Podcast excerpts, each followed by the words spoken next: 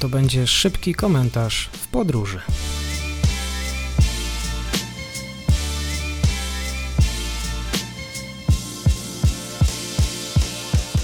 Dzień dobry Państwu, dzień dobry wszystkim słuchaczom w krótkim komentarzu w podróży, który dzisiaj dla Państwa przygotował Grzegorz Kordylas ze strony Świat po prostu. Zachęcam serdecznie również do subskrypcji newslettera na Substacku, link poniżej. Dzisiaj o smogu, dzisiaj o zanieczyszczeniu miast.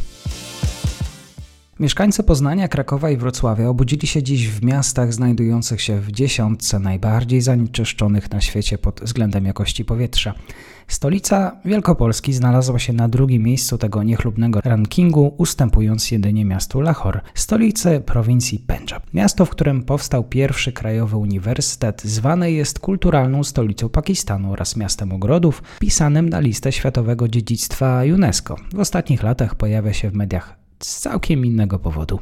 W przeciwieństwie do mieszkańców polskich miast, którzy z tak fatalną jakością powietrza mierzą się przez kilka tygodni w roku, 14-milionowy Lahore według strony IQR jest najbardziej zanieczyszczonym miastem świata, także jeżeli chodzi o roczną średnią. Dane za 2022 rok. Jeżeli chodzi o państwa, Pakistan piastuje się na liście trzecie miejsce za Irakiem i Czadem. Na tej samej liście Polska zajmuje 62 miejsce. Średnio normy w naszym kraju przekroczone są od 3 do 5 razy. Wróćmy na ulicę Lahore. W połowie grudnia, kiedy większość Polaków przygotowywała się do świąt, w stolicy Pendżabu po raz pierwszy wykorzystano sztuczny deszcz do zwalczania zanieczyszczeń.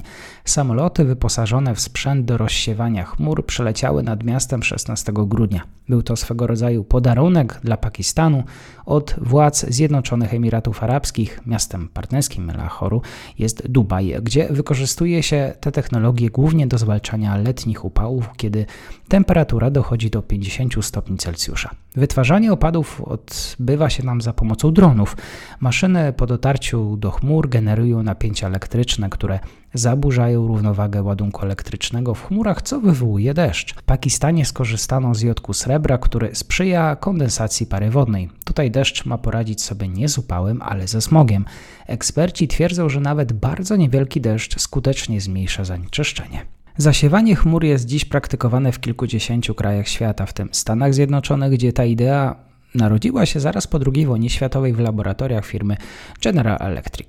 Malik Amin Aslam, były doradca premiera Pakistanu w kwestiach ochrony środowiska, dodał, że rząd powinien zbadać konsekwencje ingerowania w naturę i rozsądnie korzystać z technologii.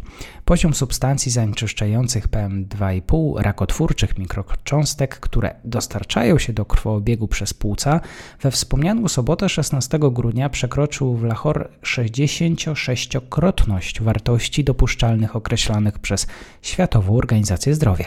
Ostatnie dziesięciolecia w Azji Południowej to industrializacja w pełnym tego słowa znaczeniu. Liczne fabryki, budowy i transport, paliwo niskiej jakości na gęsto zaludnionych obszarach sprawiają, że ilość substancji zanieczyszczających powietrze znacznie przekracza normy. Niskie temperatury w zimie sprzyjają utworzeniu się chmurom smogu. Wpływ na zanieczyszczenie o tej porze roku mają także rolnicy.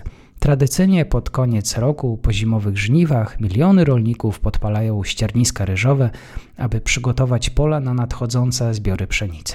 To w połączeniu z zanieczyszczeniami powodowanymi przez pojazdy i przemysł skutkuje powstawaniem obfitych ilości smogu w Indiach i Pakistanie. W maju tego roku pakistańskie Ministerstwo do Spraw Zmian Klimatu wprowadziło krajową politykę czystego powietrza.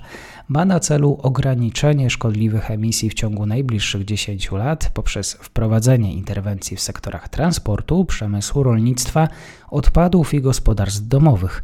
Taka przebudowa będzie wymagała czasu, pieniędzy i woli politycznej.